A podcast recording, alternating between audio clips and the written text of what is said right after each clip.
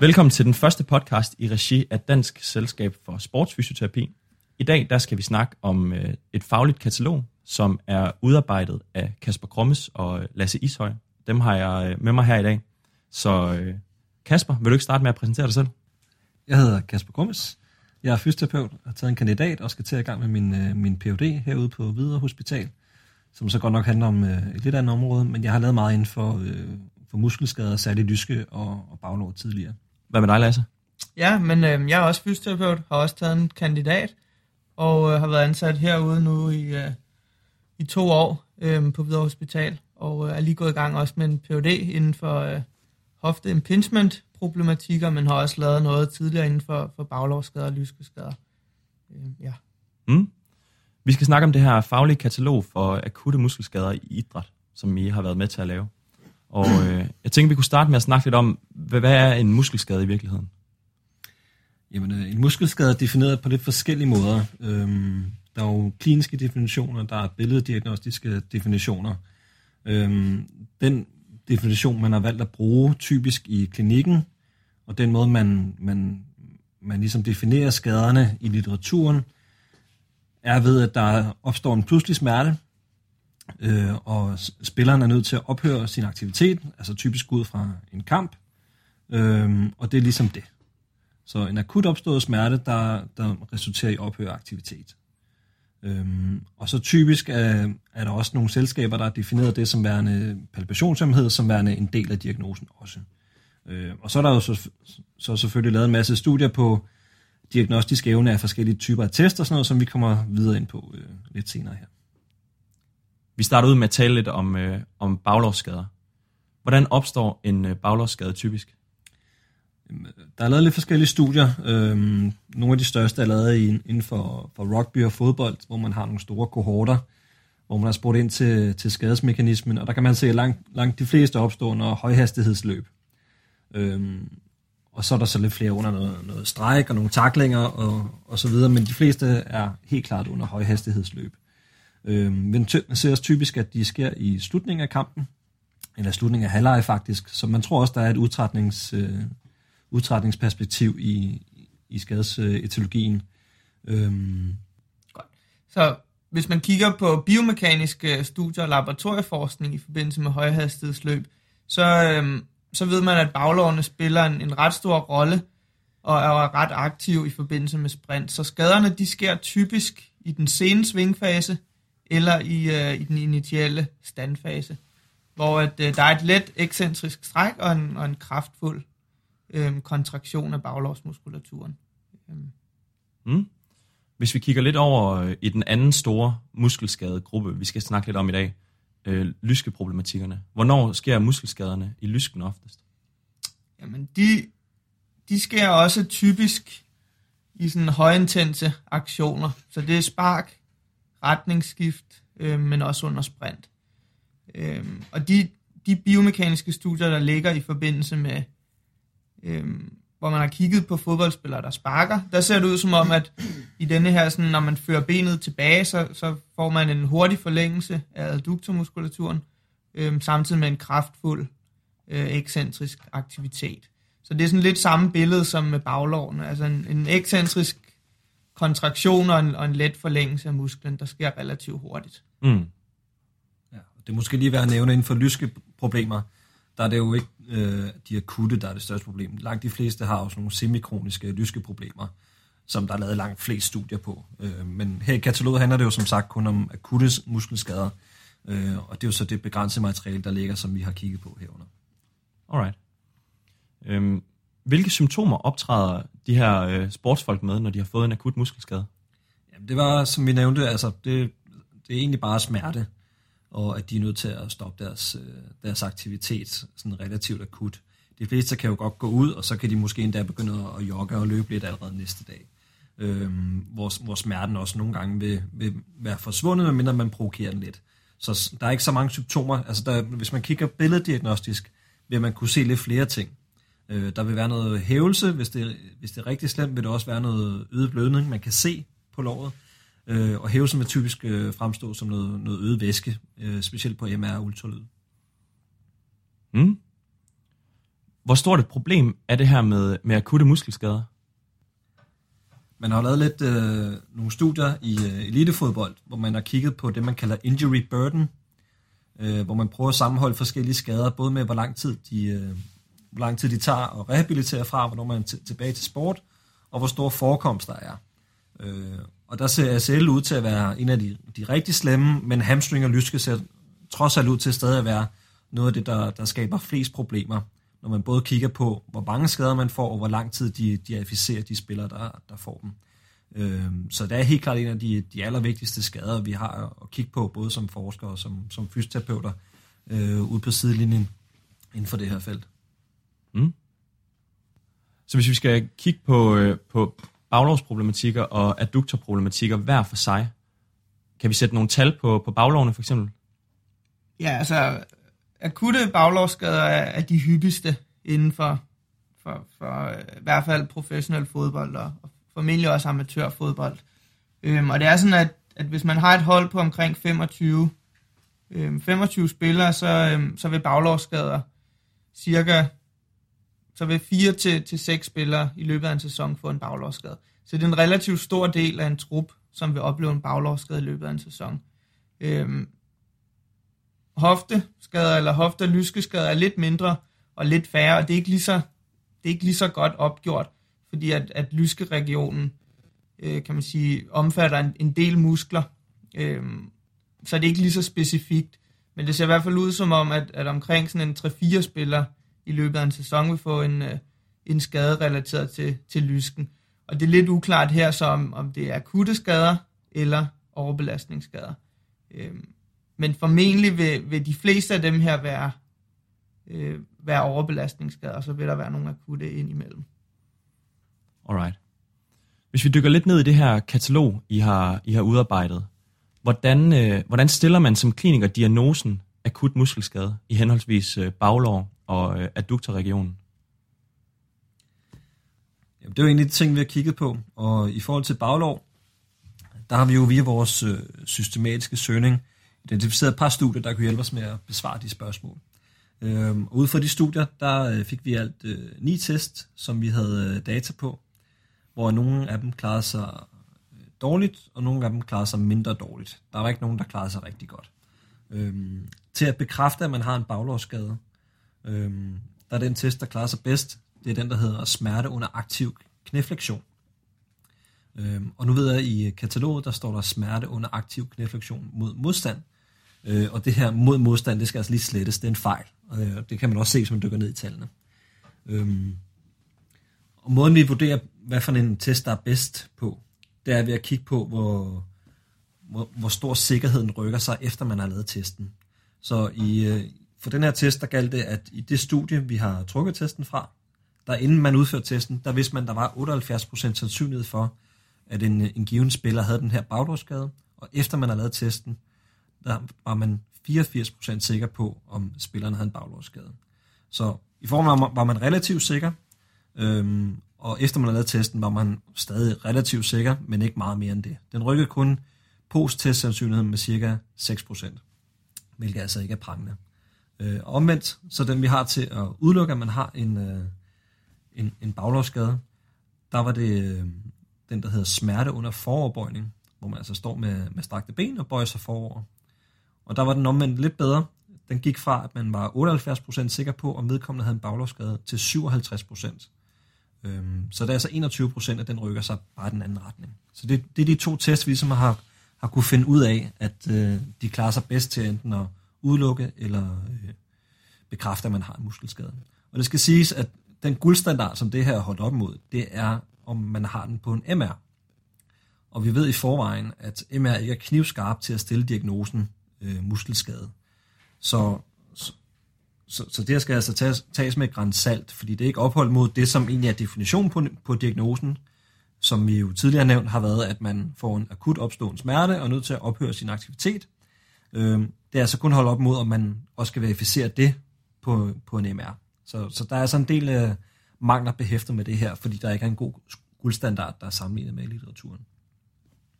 Ja, og, og med til det hører jo, at alle de her patienter, som er gået ind i det her studie, de er netop gået ud af spil men akut smerte i baglåret, Mm. som også er verificeret ved palpation.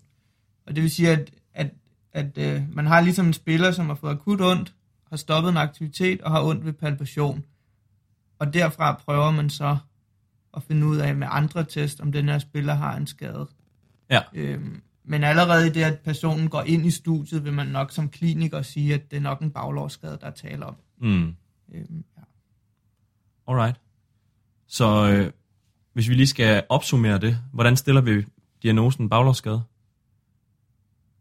Altså, den, den, den, be, den, den bedste måde vil nok være i virkeligheden på, på baggrund af anamnesen. Så gået ud af aktivitet, øhm, gerne i forbindelse med en sprint eller en anden højintens øh, aktivitet med akut smerter i baglåret, og så øhm, palpationsømhed. Og så kan man bruge de her tests, som, som Kasper lige snakkede om, til at ændre, altså ændre sin sikkerhed i, om skaden bliver fundet på en MR eller ikke. Men, men altså, men skaden er der jo, fordi spilleren er gået ud.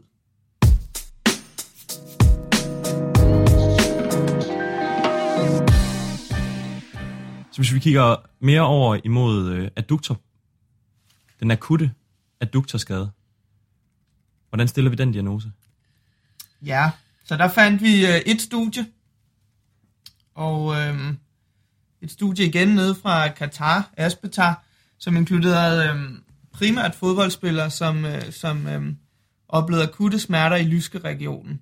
Og her, er det, her kan man sige, at der er flere muskler på spil heroppe, så, det, så det, det kan vi bruge lidt bedre, fordi at skaden både kan sidde i adduktorerne eller i hofteflekserne. Øhm, og, øh, og det, som, det, som det her studie fandt ud af, det var, at hvis vi skal udelukke en akut øh, skade i adduktorerne, så, øhm, så skal der være negativ, eller kan man sige, så skal, vi, så skal der ikke være smerte ved palpation af adduktorerne. Øhm, og for at bekræfte en akut adduktorskade, så leder vi efter smerte ved en squeeze-test i 0 grader, adduktion mod modstand i yderbanen, eller passivt udstræk af adduktorerne. Okay. Øhm, og man kan sige, og det, det har en noget bedre diagnostisk evne, de her tre test. Så, så hvis vi kigger på smerter ved palpation, øhm, så for det her studie, der, der, der kunne man se, at, at, at de spillere, der kom ind, så havde 57% af dem en akut muskelskade adduktorerne på en MR-scanning.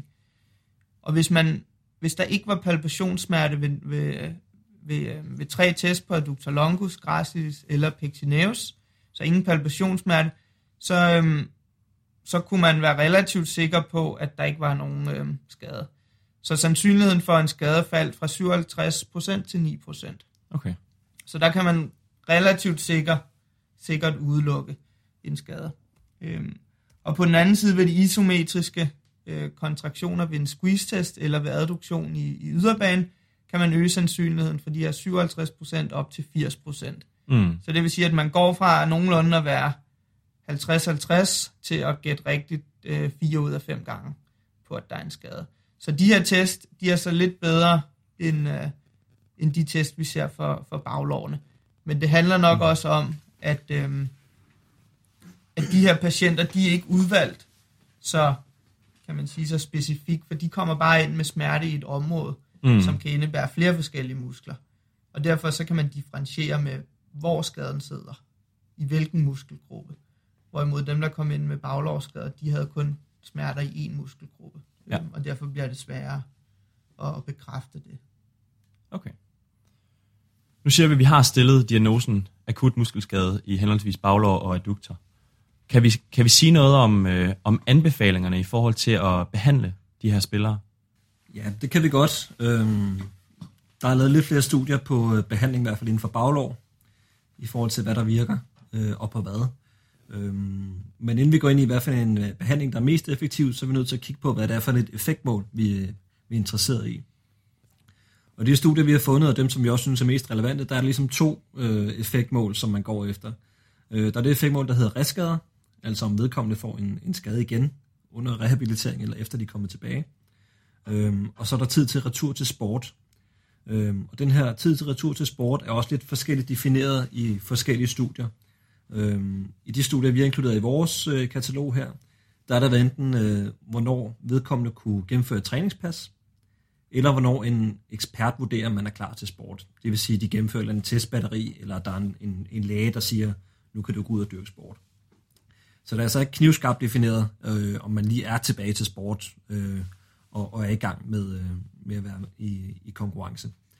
Hvis vi kigger på det effektmål, der hedder restskader, øh, der er der lavet et øh, studie, der hedder fra, fra Spanien, af en, en gut, der hedder Mendy Guccia, som har kigget på et øh, ret omfattende program, som han kalder Criteria-Based Algorithm, øh, som han har sammenlignet med det, som i hvert fald i litteraturen har været øh, best practice i nogle år, som er det fra Askling i Sverige, som har øh, sin lengthening exercises, hvor han sammenligner noget, øh, jeg ved ikke, om man kan kalde det ekscentrisk træning, fordi der er ikke så meget muskelaktivitet. Det er nok mere noget aktiv stræk. Men de her tre øvelser sammenligner han med, med tre øh, lidt mere konventionelle øvelser, som er midt om noget koncentrisk arbejde. Øhm, og, og der har det, der har det vist sig, at de her lengthening-øvelser for Asklings vedkommende øh, er mere effektive, både i forhold til retur til sport og beredskader. Og det ham her, Mandy så har gjort, det er, at han har taget sin protokol og sammenlignet det med Asklings protokol, som altså har fået nogle af de, de to bedste øh, interventioner i litteraturen, PT, og, og fået en sammenligning af dem. Og der har han taget professionelle fodboldspillere, hvor han i alt havde lige knap 50 med. Øhm, og der fandt han ud af, at efter 6 måneder, der var der en restskade i øh, den gruppe, der lavede Criteria-Based Algorithm, og der var seks restskader i den gruppe, der lavede Lengthening Exercises. Øh, så hvis vi kigger på det effektmål, der hedder restskader, der øh, klarer den intervention, der hedder Criteria-Based Algorithm, så klart bedst. Og det kan man se, hvis man, man, hvis man googler Mendiguchia, øh, så kommer der en øh, 4 minutters lang øh, YouTube-video op, hvor han gennemgår alle sine øvelser. Øh, hvis vi kigger på det effektmål, der hedder retur til sport, øh, der ser det stadig ud til, at lengthening exercises for Askling er det, der klarer sig bedst. Øh, I det forrige studie med Guccia, der øh, kom, kom lengthening exercises bedst ud i forhold til retur til sport, og det har det også gjort i alle Askling-studier. Så der ser det ud til, at den har en lille, øh, en lille forkant i forhold til criteria-based algorithm.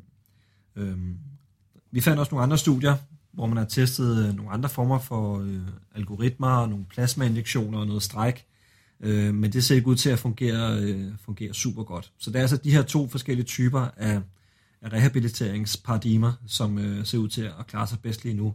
Så en eller anden kombination af de her to øh, interventioner øh, vil være noget af det, vi kan anbefale. Fordi man skal jo tage hensyn til begge effektmål, når man har med atleter at gøre. Vi vil gerne have ham hurtigt tilbage, men vi vil også gerne have ham sikkert tilbage.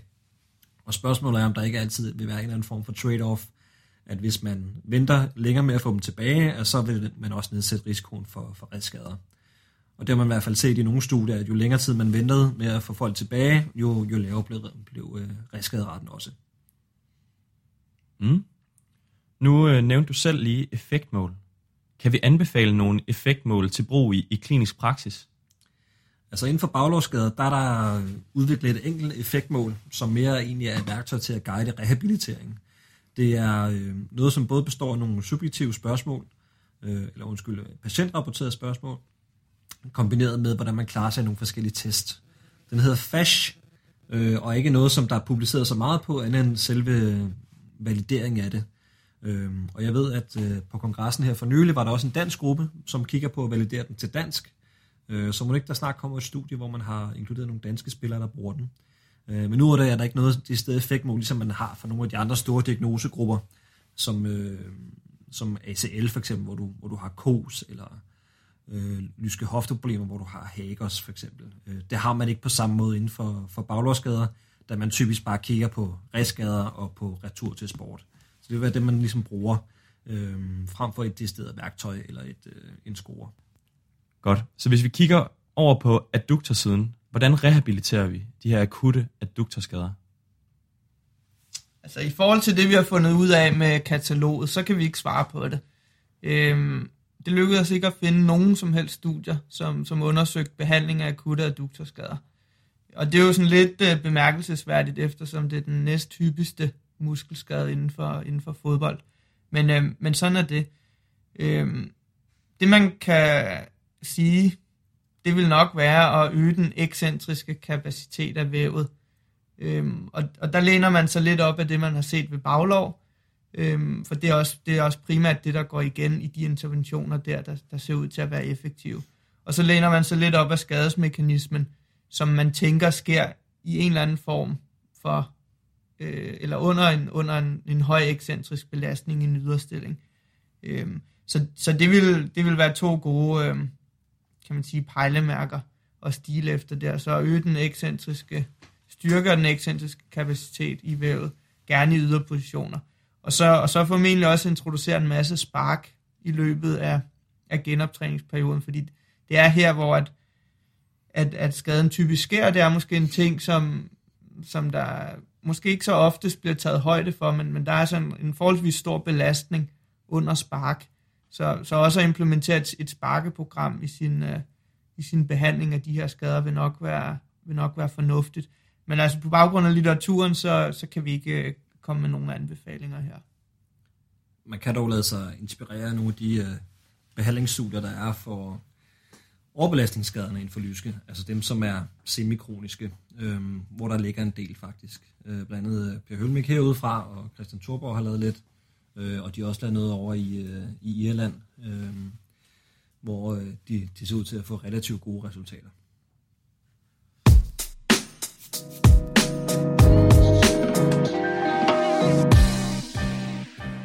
Findes der nogle øh, kliniske kriterier, som, øh, som øh, atleter, som har muskelskader, skal opfylde, for at vi kan lade dem returnere til sport? Hmm, jeg vil ikke sige, at der er nogen, de skal opfylde. Alle de studier, vi har kigget på, har der været en eller anden form for testbatteri, eller en eller anden form for kriterie, som de har anvendt, før de returnerede folk til sport. Og det har varieret fra studie til studie. Øhm, som det er lige nu, så er der lavet for nylig her en, øh, en consensus statement faktisk omkring return to play kriterier for baglovsskader af en øh, hollandsk gruppe. Øhm, og de anbefaler en, en, en række forskellige ting. Øhm, blandt andet, at der ikke skal være nogen smerte under palpation, at der ikke skal være nogen smerte under styrketest eller fleksibilitetstest, at der ikke skal være nogen smerte under funktionelle øh, test, at der ikke skal være nogen øh, smerte efter man har lavet de funktionelle test, øh, at der skal være lige god fleksibilitet i begge ben, at øh, spilleren føler sig klar, altså at de er confident og føler sig klar, øh, og så skal de kunne lave nogle forskellige test, repeated, øh, gentagende sprint, øh, og deceleration, og single leg bridge, og de skal prøve at opnå en volumen, der tilsvarer det, de laver i løbet af en normal kamp, og så skal, så skal den medicinske stab også sige OK. Og det er jo en relativ, øh, hvad skal man sige, fyldesgørende øh, liste, man skal opfylde. Øh, og spørgsmålet er, om man vil nå at få en, en spiller, der skal opnå alle de her ting relativt hurtigt tilbage, eller om man ligesom skal prøve at vurdere, hvad der er relevant i, øh, i, i, det, i den kliniske kontekst, man nu engang står i. Øhm, der er ikke testet øh, nogle studier, hvor man sammenligner forskellige return-to-play-kriterier. Øh, det her det er kun baseret på ekspertholdninger, øh, som man, hvor man har spurgt nogle af de førende forskere og de førende klinikere på området, og det er så det her, man er blevet enige om. I de andre studier, vi nævnte inden for behandling, øh, der har Meniguchia og, og Askling, de har brugt hver deres form for øh, hvad skal man sige, testbatteri øh, for at klire folk tilbage til sport. Asling har brugt den her H-test, som han bruger, hvor han øh, sætter det afficerede ben fast i en eller anden form for skinne, og så beder man om at lave en meget, meget kraftfuld øh, hofteflektion, øh, så hurtigt det overhovedet kan. Og hvis de føler, at det, det er smertefrit, og det går fint, så lader han dem egentlig returnere til sport.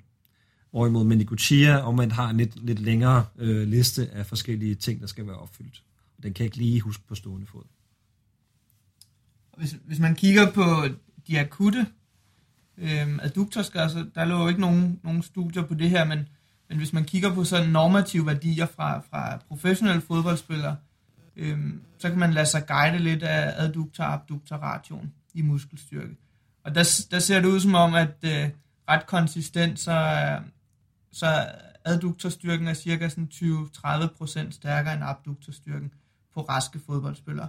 Og det vil sige, at, at den, kan man sige, man, så kan man stile efter, i hvert fald i rehabiliteringen, øhm, og få adduktorstyrken op på cirka 20-30% mere end abduktorstyrken, øhm, før man sender spilleren ud til, før man clear spilleren. Mm. Øhm, og så ligesom her med baglov, hvor man, hvor man gerne vil have dem igennem en masse test. Altså det vil man i princippet også gerne ved en, ved en akut lyskeskade, øhm, fordi de, de skader sker også i de her højintense øh, aktioner, og sprint, retningsskift, og så det her med at få en masse, en masse sparkevolumen ind.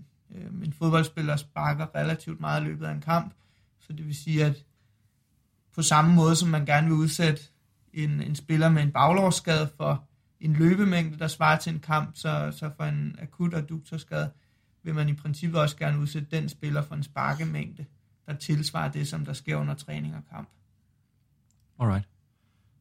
Er der nogen, øh, for lige at gå et lille skridt tilbage her, er der nogen effektmål på, øh, på adduktorfronten?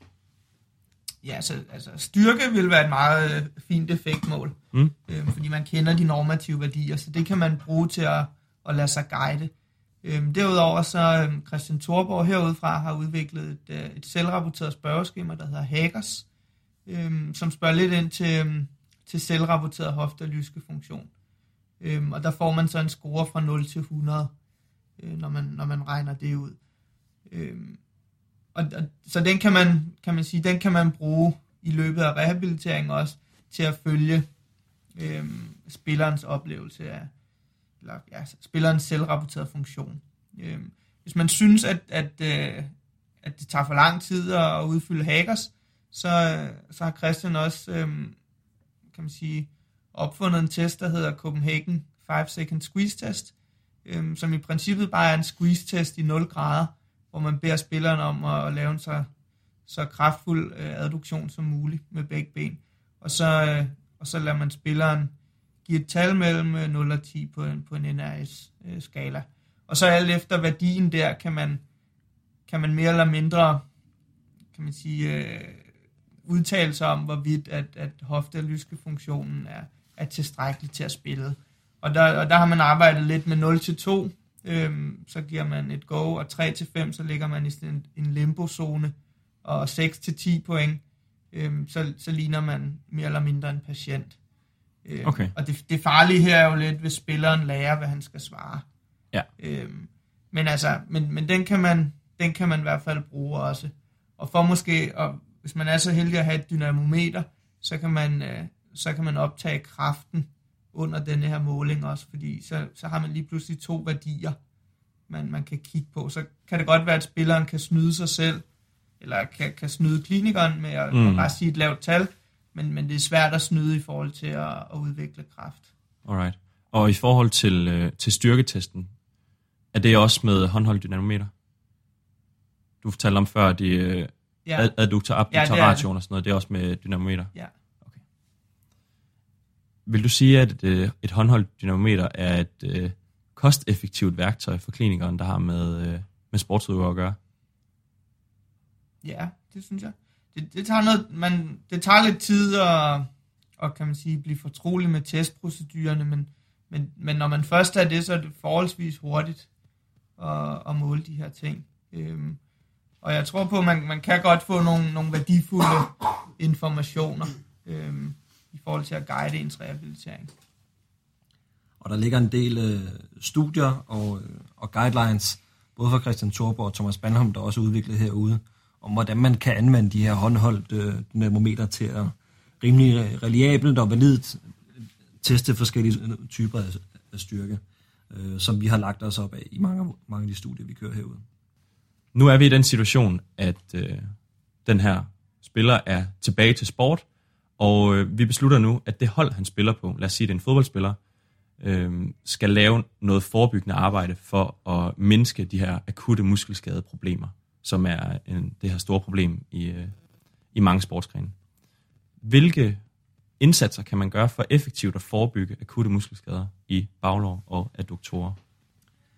Det er måske et af de spørgsmål, der, der er lidt nemmere at svare på, fordi der faktisk er sådan helt overvældende meget og stærk og entydig evidens på det område, i hvert fald inden for baglov, hvor at øh, Nordic Hamstring protokollen har vist sig at være helt enormt effektiv til at reducere øh, antallet af både nye og restskader. Øh, det ligger på ca. 65% for nye skader, og 85% reduktion for, for restskader. Så altså helt uhyre øh, potent, hvis man skulle sammenligne det med alle, alle mulige andre modaliteter, man ellers ser inden for, for medicinsk forskning. Og derudover så øh, er der også lavet nogle nye studier på, øh, på FIFA. Øh, vi har også lavet et systematisk review på FIFA, FIFA 11 og FIFA 11 Plus, det her opvarmningsprogram, der, der tilsigter at forebygge øh, flere skader, altså et, et komplet skadesforebyggende opvarmningsprogram. Og det her viser, at det generelt også fagner ret, ret bredt på forskellige typer af muskelskader. Det vil sige både baglov og, og lyske og, og andre typer af muskelskader. Øhm, og det er ikke helt lige så, væk, helt lige så effektivt som, øh, som kunne at implementere Nordic Hamstring-protokollen. Øh, men der er trods alt en reduktion på, på 41-49 procent på, på baglov. Øh, og det er så også fordi, at, at øh, Nordic Hamstring-protokollen, eller undskyld, ikke øh, protokollen, men øvelsen i sig selv er en del af det her FIFA 11 Plus-program. Øh, så det er altså den samme aktive ingrediens, der indgår i, i alle de effektive interventioner, vi kender til at forebygge øh, baglovsskader. Lasse, vil du sige lidt omkring øh, lyske? Ja, så i forhold til, øhm, til, til lyskesmerter, der, der ligger også lidt forskellige studier. Øhm, men det, der er udfordringen i de her studier, det er, at der bliver sjældent skældnet mellem, om det er overbelastningsskader eller akutte skader, eller præcis hvor i lyskeregionen de sidder. Øhm, så, så det er lidt svært at udtale sig specifikt om akutte adduktorskader. Men, men vi kan godt have en idé om, at, at noget af det her også virker på det. Så nogle af de studier, der ser ud som om, at de er mest effektive, det, det er nogle, hvor man, øh, hvor man aktivt styrker øh, adduktormuskulaturen. Enten gennem sådan isometriske øvelser i, i opvarmning, øh, eller gennem mere dynamiske øvelser. Øh, og her for nylig, der, eller sidste år tror jeg det var, der kom et, et stort norsk studie, også med samarbejde her fra Hvidovre Hospital, øh, som kiggede på norske fodboldspillere og en øvelse, som hedder Copenhagen Adduction, som de lavede i tre forskellige niveauer. Øh, lidt ligesom sådan FIFA 11-protokollen, hvor man også kan lave i forskellige niveauer, alt efter hvor stærk man er. Øhm, og der havde de altså en gruppe, som lavede denne her tre gange om ugen øhm, i, i de første seks uger af sæsonen, og så en gang om ugen resten af sæsonen, og så en kontrolgruppe, som bare spillede fodbold øhm, som normalt. Og, og det de så der, det var en reduktion på cirka 40% i antallet af, af lyske problemer. Og det der kan man sige lidt øh, specielt ved det her studie, det var, at de registrerede alle problemer. Og det vil sige, det er altså alt fra, øh, fra ømhed til, øh, til, at spilleren ikke kan spille. Mm. Øhm, så det er sådan, kan man sige, det, det er lidt, øh, ja, det, det er ikke kun akutte skader her, der bliver registreret. Det er også de her sådan lidt overbelastningsskader, der måske ses i starten af sæsonen. Men det giver i hvert fald en indikation på, at man kan forebygge, kan man sige, øh, lyske problemer, øh, lyske smerter, og formentlig også de her time loss skader. Mm. Og nogle af de her problemer, de vil jo så, de vil også være akutte. Øh, det er selvfølgelig ikke en reduktion på 40% vedrørende akutte skader, men, øh, men nogle af dem vil være akutte.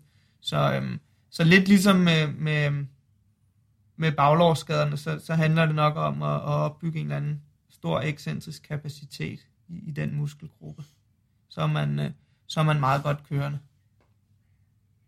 Super. I, øh, i det her øh, katalog, I har, I har udarbejdet på de akutte muskelskader, der har vi jo primært talt om, øh, om baglår og, øh, og adduktorproblemerne i dag. Der er også inkluderet lidt om, øh, om forlovs- og lægproblemer. Kan vi sige noget om de to? Ja, vi, vi har jo de to øh, sidste kapitler der.